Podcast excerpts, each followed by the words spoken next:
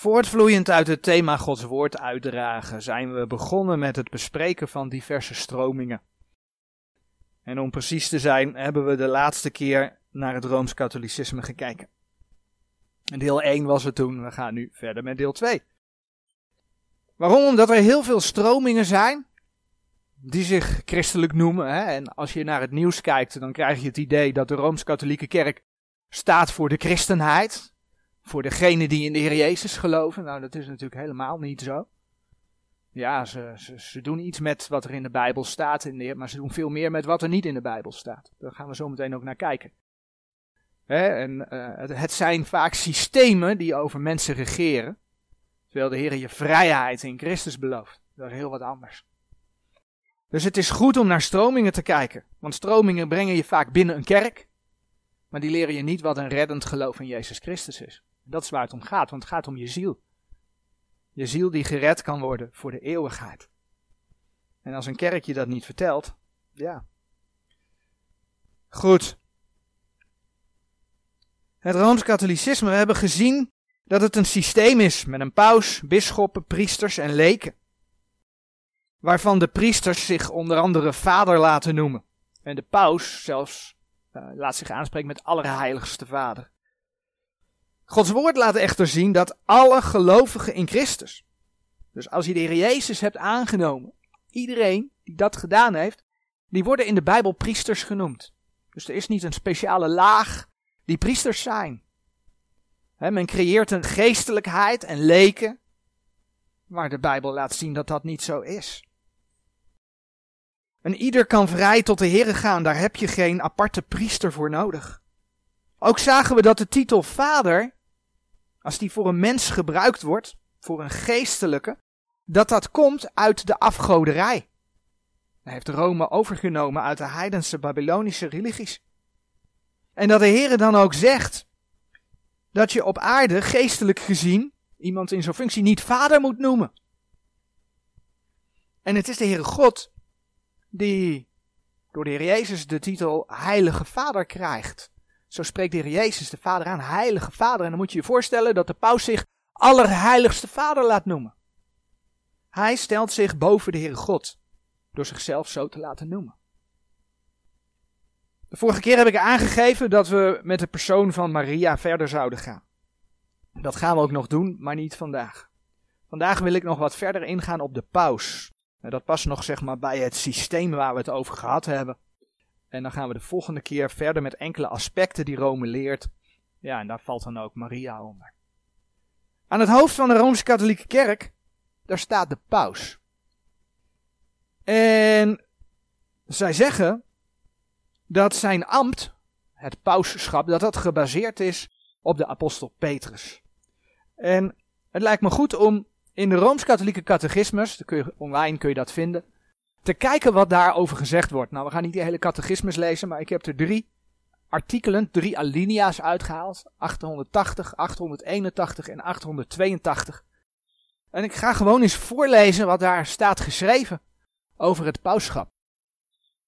Alinea 880, het college van bisschoppen en zijn hoofd de paus. Hè? Ik, ik citeer dus. Hè? Toen Christus de twaalf aanstelde, maakte hij van hen een college of vaste groep en stelde hij Petrus uit hun midden gekozen aan hun hoofd. Zoals Petrus en de andere apostelen één apostolisch college vormen door de instelling van de Heer, zo zijn op gelijke wijze de paus van Rome, de opvolger van Petrus en de bisschoppen, de opvolgers van de apostelen, met elkaar verbonden. Alinea 881. De Heer heeft alleen van Simon, aan wie hij de naam Petrus rots gaf, de rots van zijn kerk gemaakt. Hij heeft hem de sleutels ervan overhandigd. Hij heeft hem aangesteld tot herder van heel de kudde. Maar het staat vast dat deze taak om te binden en te ontbinden, die aan Petrus is gegeven, ook aan het college van apostelen, verbonden met hun hoofd, gegeven is. Deze pastorale taak van Petrus en de andere apostelen behoort tot de fundamenten van de kerk. Zij wordt voortgezet door de bisschoppen onder hun het primaatschap van de paus. Nog eentje, uh, alinea 882. De paus, bisschop van Rome en de opvolger van Petrus, is het blijvend en zichtbaar beginsel en fundament van de eenheid, zowel van de bisschoppen als van de menigte van de gelovigen. De paus van Rome immers heeft juist krachtens zijn ambt als plaatsvervanger van Christus en herder over de gehele kerk de volledige, hoogste en universele macht die hij altijd vrij kan uitoefenen. Al dus de Rooms-Katholieke catechismus. Je ziet ook, ik heb dat niet in de, in, in, in de voorbereiding zitten, maar je ziet ook dat hij zijn macht, universele macht, altijd vrij kan uitoefenen. De paus hoeft zich nergens op uh, ten opzichte van te verantwoorden. Terwijl de Heere God oproept om de schrift als basis te hebben en daaraan te toetsen. Maar nee, hij mag het volgens hun catechismus altijd vrij uitoefenen. Goed. Allereerst zie je in deze alinea's, en ik ga even eentje terug, van die beige uh, nummers. Witte nummers, maar in die beige uh, ovaaltjes staan. Dat zijn verwijzingen. Ze verwijzen daarmee ja, naar andere bronnen. Nou, in deze drie alinea's zijn tien van die berge nummers, noem ik maar even zo. Slechts twee daarvan verwijzen naar de Bijbel. De andere acht verwijzen naar andere bronnen. En dat is dan vaak het Latijnse wetboek van de Rooms-Katholieke Kerk. Of naar andere Latijnse bronnen die ze vertaald hebben, maar niet de Bijbel. Ja, dus twee van de tien in die drie alinea's verwijzen naar de Bijbel en de rest komt ergens anders vandaan. Ja, weet je, dat klopt ook wel, want als je dus leest. Toen Christus de twaalf aanstelde, maakte hij van hen een college of vaste groep. En stelde hij Petrus uit, het midden, uit hun midden gekozen aan hun hoofd. Als je dat leest, dan weet je dat dat niet uit de Bijbel komt. Nergens in de Bijbel wordt er over een college gesproken. Er wordt zelfs nergens gesproken over het feit dat Petrus het hoofd zou zijn. Sterker nog, als je naar de brieven aan de gemeente gaat kijken, voor de gemeentetijd, dan zou je kunnen zeggen dat, uh, dat het de apostel Paulus is, die het geworden is, die voor de gemeente het belangrijkste is. Maar daar komen we zo nog op terug. Als je andere dingen wilt leren dan Gods woord zegt, ja, dan heb je andere bronnen nodig. Dan heb je andere bronnen nodig dan Gods woord. En dat is wat Rome doet. Dus de vraag is, waar ligt je autoriteit? Nou, die vraag heb ik bij deze gesteld. Ga ik in een ander deel op terugkomen. Gaan we het nu niet over hebben. Maar laten we eens kijken hoe Rome omgaat met de Bijbel. Want ze hebben dus wel degelijk twee verwijzingen die naar de Bijbel gaan. En de ene verwijzing is nummer 10. Dat verwijst naar uh, Matthäus 16, vers 18 tot en met 19. En de andere verwijzing is nummer 11. En nummer 11 verwijst naar Johannes 21, vers 15 tot en met 17. Laten we kijken hoe Rome omgaat met de Bijbel. Laten we die Bijbelse aanhalingen eens checken. Ja, want doordat de paus de opvolger van Petrus genoemd wordt, is Petrus voor Rome dus de eerste paus. En dan stellen ze in alinea 881, die heb ik hier voorgezet, dat Petrus door de Heer Jezus tot de rots van zijn kerk gemaakt is. En dat is dan gebaseerd op Matthäus 16, vers 18 tot en met 19. En laten we die versen lezen. Matthäus 16, vers 18 en 19. En ik zeg u ook dat gij zijt Petrus, en op deze Petra zal ik mijn gemeente bouwen. En de poorten der hel zullen dezelfde niet overweldigen. En ik zal u geven de sleutelen van het koninkrijk der hemelen. En zo wat gij zult binden op de aarde, zal in de hemelen gebonden zijn. En zo wat gij ontbinden zult op de aarde, zal in de hemelen ontbonden zijn. We gaan, daar is de tijd tekort voor, nu niet heel uitputtend helemaal op deze twee teksten in. Ik haal er het voorbeeld uit dat er gesteld wordt dat Petrus de rots van zijn kerk gemaakt is. En, en, daar gaan we naar kijken. Daar waar in de Statenbijbel in Matthäus 16 vers 18 geschreven staat deze Petra. de Heer Jezus zei dat gij zijt Petrus en op deze Petra zal ik mijn gemeente bouwen. Dus daar waar deze Petra staat, daar staat in de King James 1611 de Engelse Reformatiebijbel, deze rots. Het mooie is dat de tekst van de Statenbijbel heel duidelijk maakt dat Petrus niet de rots is. Petra is de rots. Petrus niet. Zou je de naam Petrus ook vertalen? Dan zou, daar dan zou je daar steen krijgen. Terwijl Petra de rots betekent. Nou, dat geeft al te denken. Er klopt iets niet dat ze zeggen dat Petrus de rots van de kerk gemaakt is. Nou, het is heel mooi om te zien hoe de Heer het woordje deze af en toe gebruikt. En als voorbeeld gebruiken we daar Johannes 2, vers 19 voor. Johannes 2, vers 19.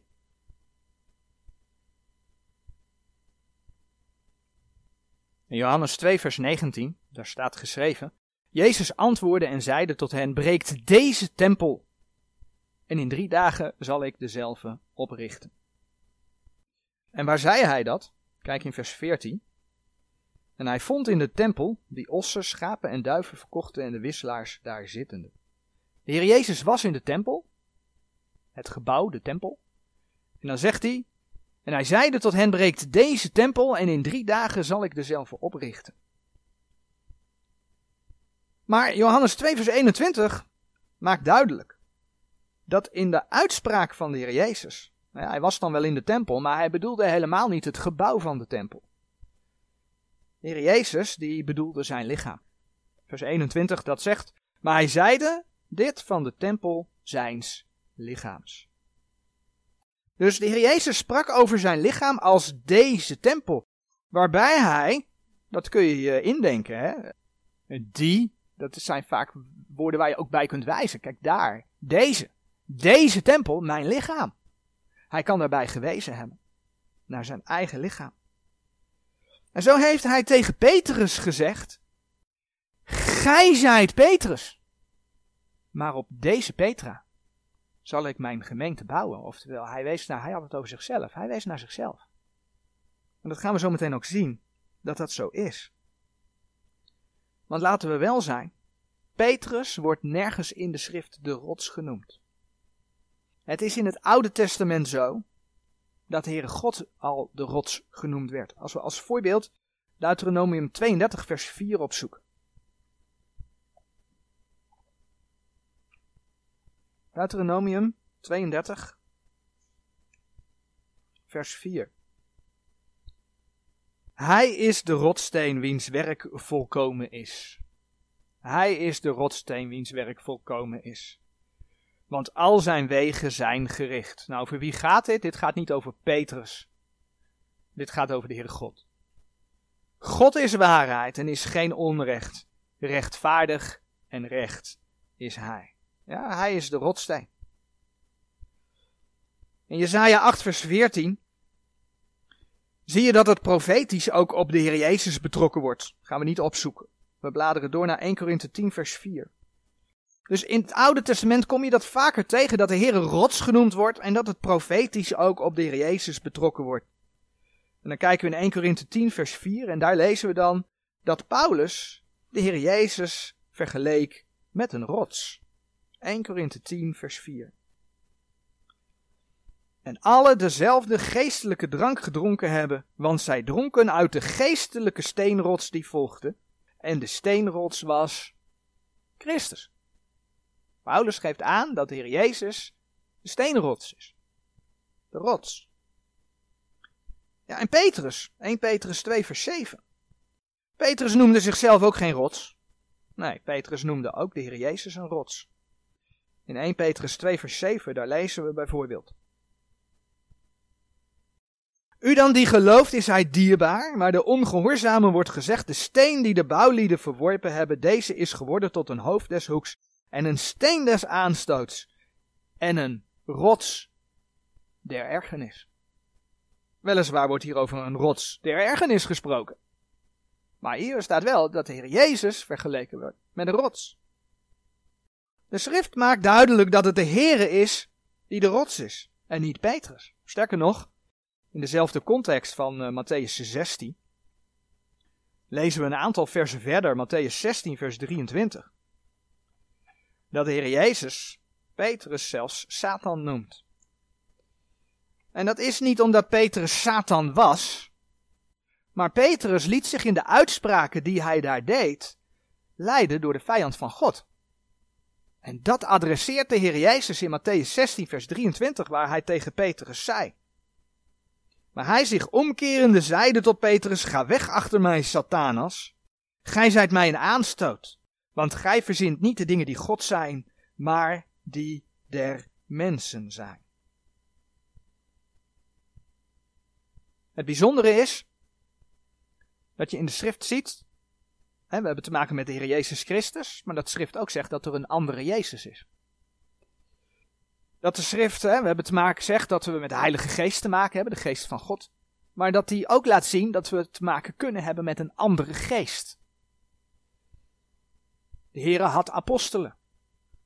Maar de schrift laat zien, 2 Korinthe 11, vers 13, dat er ook andere apostelen zijn, valse apostelen, bedrieglijke arbeiders, zegt 2 Korinthe 11, vers 13. En zo heb je de rots, dat is de Heere God, Heer Jezus, maar je hebt ook een andere rots. En laten we die andere rots opzoeken, dan komen we weer terug bij Deuteronomium 32. Deuteronomium 32, vers 31 tot en met 33. Want hun rotsteen is niet gelijk onze rotsteen. Zelfs onze vijanden rechters zijnde. Want hun wijnstok is uit de wijnstok van Sodom en uit de velden van Gomorra. Hoe werd Rome ook alweer genoemd? In de grote verdrukking? De grote hoer. We hebben het hier over Sodom en Gomorra, de steden van de hoererij. Want hun wijnstok, is uit de wijn, uh, hun wijnstok is uit de wijnstok van Sodom en uit de velden van Gomorra. Hun wijndruiven zijn vergiftige wijndruiven. Zij hebben bittere beziën. Hun wijn is vurig drakenvenijn en een wreed addervergift. Want hun rotsteen is niet gelijk onze rotssteen. Duidelijk toch? Petrus was een apostel van de Here. Petrus heeft bijgedragen aan de verspreiding van het evangelie. Hij heeft onder leiding van Gods geest een bijdrage mogen leveren aan het overleveren van Gods woorden. Want de brieven 1 Petrus en 2 Petrus vinden we in Gods woord. Maar op het moment dat mensen of een systeem Petrus een plek gaan geven die hem niet toekomt, die tegen de schrift ingaat, ja, dan kom je dus uit bij een andere rots. Dan kom je uit bij drakenvenijn. Dan kom je uit bij addervergift. En we weten toch in de Bijbel waar de slang voor staat. De slang staat voor de vijand van God, voor de duivel. En wat je ziet gebeuren, is dat zij dus Gods woorden verdraaien. Als ik even terugga naar uh, dat stukje wat ik nu besproken heb. Zij maken Petrus de rots van zijn kerk. Dat is een verdraaiing van Gods woord, want het is de Heer Jezus Christus die de rots is. Adder vergift, zegt de Heere God. De kerk in dit gedeelte is overigens niet de gemeente van Jezus Christus. De context van Matthäus is Joods. En de verwijzing heeft met Israël te maken. De verwijzing heeft te maken met oud-testamentische gelovigen. De verwijzing heeft te maken met Joden die straks in de grote verdrukking ook ja, deels weer onder de wet zullen leven. We gaan daar nu niet dieper op in. Maar dat Petrus dus het fundament van de kerk zou zijn, is natuurlijk onzin. Laten we naar 1 Korinthe 3 bladeren. 1 Korinthe 3, vers 11. Het is de Heer Jezus Christus die het fundament is. In 1 Korinthe 3, vers 11 lezen we. Want niemand kan een ander fundament leggen dan hetgeen gelegd is, het welk is Jezus Christus. En ja, Efeze 2, vers 20 spreekt over het fundament der apostelen en profeten. Laten we dat tekst erbij pakken. Want dat zou een vers kunnen zijn die ze dan zouden kunnen gebruiken. De vraag is of ze het doen, want zoveel Bijbel gebruiken ze niet. Maar in Efeze 2, vers 20 staat geschreven: Gebouwd op het fundament der apostelen en profeten, hè, dat gaat over het lichaam van de Heer Jezus, over de gemeente. Gebouwd op het fundament der apostelen en profeten, waarvan Jezus Christus is de uiterste hoeksteen. Ja, hier wordt over het fundament der apostelen en profeten gesproken. Maar er wordt niet een belangrijkste apostel aangewezen. En sterker nog, ditzelfde vers, Efeze 2, vers 20, spreekt wel over één persoon die de belangrijkste is. Het belangrijkste deel van dat fundament, de uiterste hoeksteen, dat is niet Petrus, dat is Jezus Christus. Jezus Christus is de belangrijkste. En zoals eerder gezegd, in deze gemeentetijd, als dan al een apostel voor ons belangrijk zou zijn, dan is dat de apostel der heidenen, Paulus.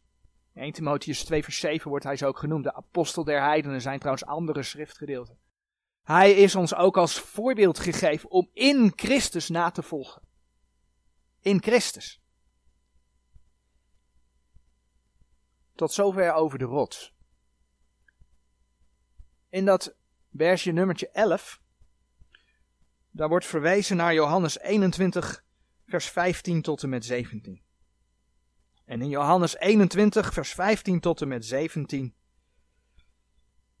is het schriftgedeelte waar de Heer Jezus nadat hij gestorven, begraven en opgestaan is, nadat Petrus hem verlogende, waar de Heer Jezus Petrus driemaal vroeg of hij hem wel lief had. Want ja, Petrus had hem driemaal verlogend. Nou, Petrus bevestigt in dat gedeelte dat hij de Heer lief had. En wat zei de Heer Jezus toen driemaal tot hem? De eerste keer zei hij, wijd mijn lammeren. De tweede keer zei hij, hoed mijn schapen. En ten derde zei hij tegen Petrus, wijd mijn schapen. De conclusie van de catechismus van de Rooms-Katholieke Kerk is dan dat Petrus tot herder van heel de kudde zou zijn aangesteld. Maar weet je, in dat tekstgedeelte kreeg Petrus geen speciale behandeling. Waarin hij als een speciale overste herder aangesteld werd over heel de kudde van al die gemeentes, van al die kerken. Dat gebeurde daar niet. Petrus had de Heer verlogend en daar confronteerde de Heer hem mee. En het mooie is, als je de schrift kent, als je de schrift leest, dan zie je dat elke ouderling in de schrift ook een herder genoemd wordt, omdat hij de gemeente, de lokale gemeente, moet wijden. In Efeze 4, vers 11, daar wordt over de gave aan de gemeente gesproken. Tekst die we afgelopen jaar overigens uitgebreid besproken hebben. De gave aan de gemeente en, en onder andere in het tweede deel van dat vers kom je dan tegen sommigen tot evangelisten. En sommigen tot herders en leraars. En als je dan in de brieven van Petrus gaat kijken, 1 Petrus 5 vers 1, dan noemt Petrus zich een mede-ouderling. Een mede-ouderling. 1 Petrus 5 vers 1. Maar in 2 Johannes 1 zie je dat Johannes zichzelf ook een ouderling noemde. Johannes. Zij waren herders en leraars, net als Paulus. En er is er maar één, en dat vind je in 1 Petrus 5 vers 4. Er is er maar één die de overste herder is. En ik denk dat ik eigenlijk niet hoef te zeggen wie dat is, de overste herder. De overste herder is Jezus Christus. Dus zie je hoe Rome de schrift naar haar eigen hand zet. Dus zelfs daar waar ze de Bijbel aanhalen, waar ze de Bijbel gebruiken, niet geloven, maar gebruiken, veranderen ze de inhoud van de teksten om, ja, hun eigen leer te staven. Dan zeggen ze, kijk eens, we hebben de Bijbel gebruikt. Ja, hallo, je hebt het aangepast. Ze doet dat dus door versen zelf te interpreteren en vooral ook, ja, niet schrift met schrift te vergelijken, want je zou er toch eens achter komen dat Petrus helemaal geen rots was. Daar moet je macht in leveren. Want daar is het om te doen, macht, universele macht, die je vrij kunt besteden, volgens hun geschrift. Geen schrift met schrift vergelijken, daar doen ze niet aan. En verder wordt dat dan aangevuld met buitenbijbelse bronnen. En zo kom je dan tot drakenvenijn en addervergift. Zo heeft Rome de leer van het celibaat, een stukje drakenvenijn en addervergift, de leer van het celibaat. Want ja, als jij een hele hoop mannen bij elkaar zet, die zich aan het celibaat moeten houden, dan krijg je dus wat er de afgelopen decennia gebeurd is. Decennia, waarschijnlijk speelt dat veel langer. Dan krijg je ontuchtsituaties. Celibaat, dan noemt de Heer een lering van de duivel. We gaan dat zo opzoeken. Het celibaat is de lering dat een paus, dat een priester, die mag niet getrouwd zijn. Maar dan ga je de Bijbel lezen en dan kom je in Matthäus 8, vers 14. Je snapt wel waarom toen de boekdrukkunst er nog niet was. En het allemaal nog niet zo snel ging, waarom de priesters die Bijbel ook voor zichzelf hielden. Want dat moest het volk niet lezen, want dan lazen ze in Matthäus 8, vers 14. En Jezus, gekomen zijnde in het huis van Petrus, zag zijn vrouws moeder te bed liggen, hebbende de koorts. Zijn vrouws moeder. Petrus had een vrouw. Hé, hey, Petrus was getrouwd. Hoezo? Celibaat. Lader je naar 1 Timotheus 3 vers 2. Het voorbeeld van de kerk, waar alles op gebouwd is, was getrouwd. 1 Timotheus 3 vers 2. Daar worden, uh, in 1 Timotheus 3 worden de eisen voor een, voor een opziener, voor een ouderling verteld. En een van die eisen is, vers 2, een opziener dan moet onberispelijk zijn, ener vrouwen man. hey, een opzichter, een ouderling moet dus getrouwd zijn? Ja, dat staat er. En dan ga je naar 1 Timotheus 4, een hoofdstuk verder, en dan lezen we de eerste drie versen. Doch de geest zegt duidelijk dat in de laatste tijden sommigen zullen afvallen van het geloof, zich begevende tot verleidende geesten en leringen der duivelen. Mensen begeven zich tot verleidende geesten en leringen der duivelen. En wat houdt dat in? Vers 2 en 3. Door geveinsdheid der leugensprekers, hebbende hun eigen conscientie als met een brandijzer toegeschroeid. Ze hebben hun eigen geweten dichtgeschroeid. Verbiedende te huwen. Aha. Gebiedende van spijzen te onthouden die God geschapen heeft tot nuttiging met dankzegging voor de gelovigen en die de waarheid hebben bekend. Dus een van die dingen, leringen der duivelen, is verbiedende te huwen. Dat is het celibaat. Een lering van de duivel. Daar heb je die drakenvernijn, dat addervergift weer. De Bijbel is zo duidelijk. Het is de antichrist, de vleesgeworden duivel. De heerser die in de grote verdrukking op deze aarde zal heersen. Waarvan we in Gods woord lezen in 2 Thessalonicense 2 vers 4 dat hij zich in de tempel zal zetten en zich als God zal laten vereren. Nou, het is de paus, we bladeren naar handelingen 10, die zich ook laat vereren. Hij laat mensen voor zich knielen.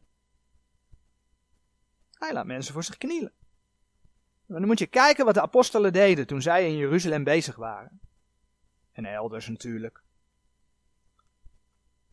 Handelingen 10 is overigens uh, niet in Jeruzalem, maar in Caesarea. Maar goed. Handelingen 10, vers 25 en 26. Petrus die komt bij Cornelius om daar het evangelie te vertellen. En kijk wat er gebeurt. En als het geschiedde dat Petrus inkwam, ging hem Cornelius tegemoet. En vallende aan zijn voeten aanbad hij. Maar kijk hoe Petrus reageerde. Maar Petrus richtte hem op, zeggende: Sta op, ik ben ook zelf een mens. Apostelen lieten zich niet vereren. Want de eer komt er maar één toe. En dat is de werkelijke rots. Dat is God. Dat is de Heer Jezus Christus. Die komt alle eer toe. Het mag duidelijk zijn dat het fundament van de Rooms-Katholieke Kerk niet bijbels is. Het mag duidelijk zijn dat het fundament van de Rooms-Katholieke Kerk zijn fundament vindt in addervergift, leringen van duivelen. De vijand van God heeft zijn leringen, dat is in Genesis begonnen met het vragen stellen bij Gods woord. Zijn leringen in kerksystemen ingebracht, zodat mensen een beeld gaan vereren in plaats van God. Zodat mensen niet tot wedergeboorte komen, maar zich laten besprenkelen met een druppeltje water en dan denken dat het wel goed zit. Een beetje, een beetje, beetje hoe is het? Heilige oliesol voor het geval je de aarde verlaat. En dan komt het wel goed. Of tenminste, vaak hoop je dan als kerkelijk lid dat het goed komt. Terwijl de Bijbel zegt, als je Jezus Christus kent, Als je Hem hebt aangenomen als je persoonlijke verlosser, dan ben je behouden. Zie je hoe die systemen er naartoe werken? En daarom is het goed om te weten, zodat als je met mensen in gesprek bent, je dat mensen ook kunt vertellen. Dat systemen mensen bij Christus weghouden, terwijl God door zijn woord juist laat zien, kom bij mij. Want ik ben voor jou ook naar deze aarde gekomen. Amen.